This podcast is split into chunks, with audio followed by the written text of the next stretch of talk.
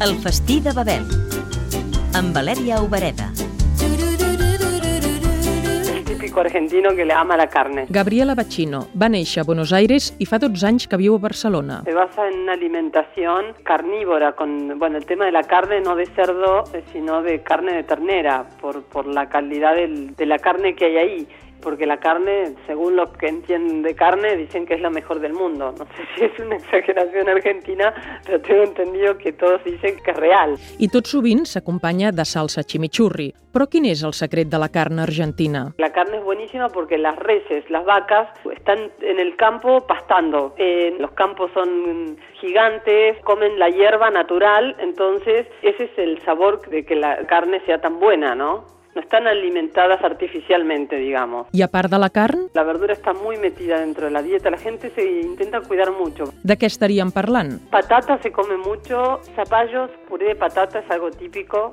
Acá se le dice boñato y ahí se dice batata. Es, un, es el boñato dulce, pero nosotros no lo usamos como un postre, lo comemos como una verdura. Y si no ensaladas, la típica ensalada para acompañar con un asado.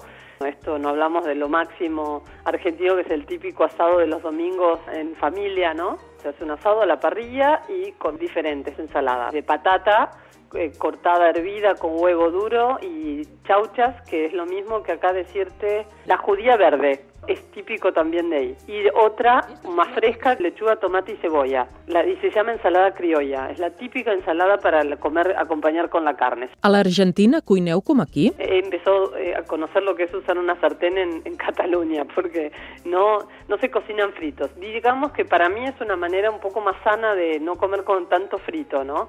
Se hace toda la parrilla, ya sea o al horno, o hervido. Por ejemplo, una milanesa de pollo no se hace a la sartén, sino que se pone un poquito de aceite y se ponen en el horno a, a cocinar. Quin és l'origen de la gastronomia argentina? Nuestra cultura, que es un país muy joven, eh, nosotros tenemos mucha descendencia, de españoles e italianos. En mi caso, que tengo mucha descendencia italiana, cuento lo que mis abuelas hacían, que eran amasar, hacer los ravioles, ¿no? Hacer la pasta italiana fresca con verduras, cocinarlo en casa con salsas típicas italianas. Anem a les postres. Todos basados con el dulce de leche. Eh, flan con dulce de leche eh, y crema, eh, banana con dulce de leche. Eh, algo típico que también se come es membrillo, eh, alfajores, alfajores de maicena, son típicos argentinos. Bon profit, Gavi. Bueno, buen provecho.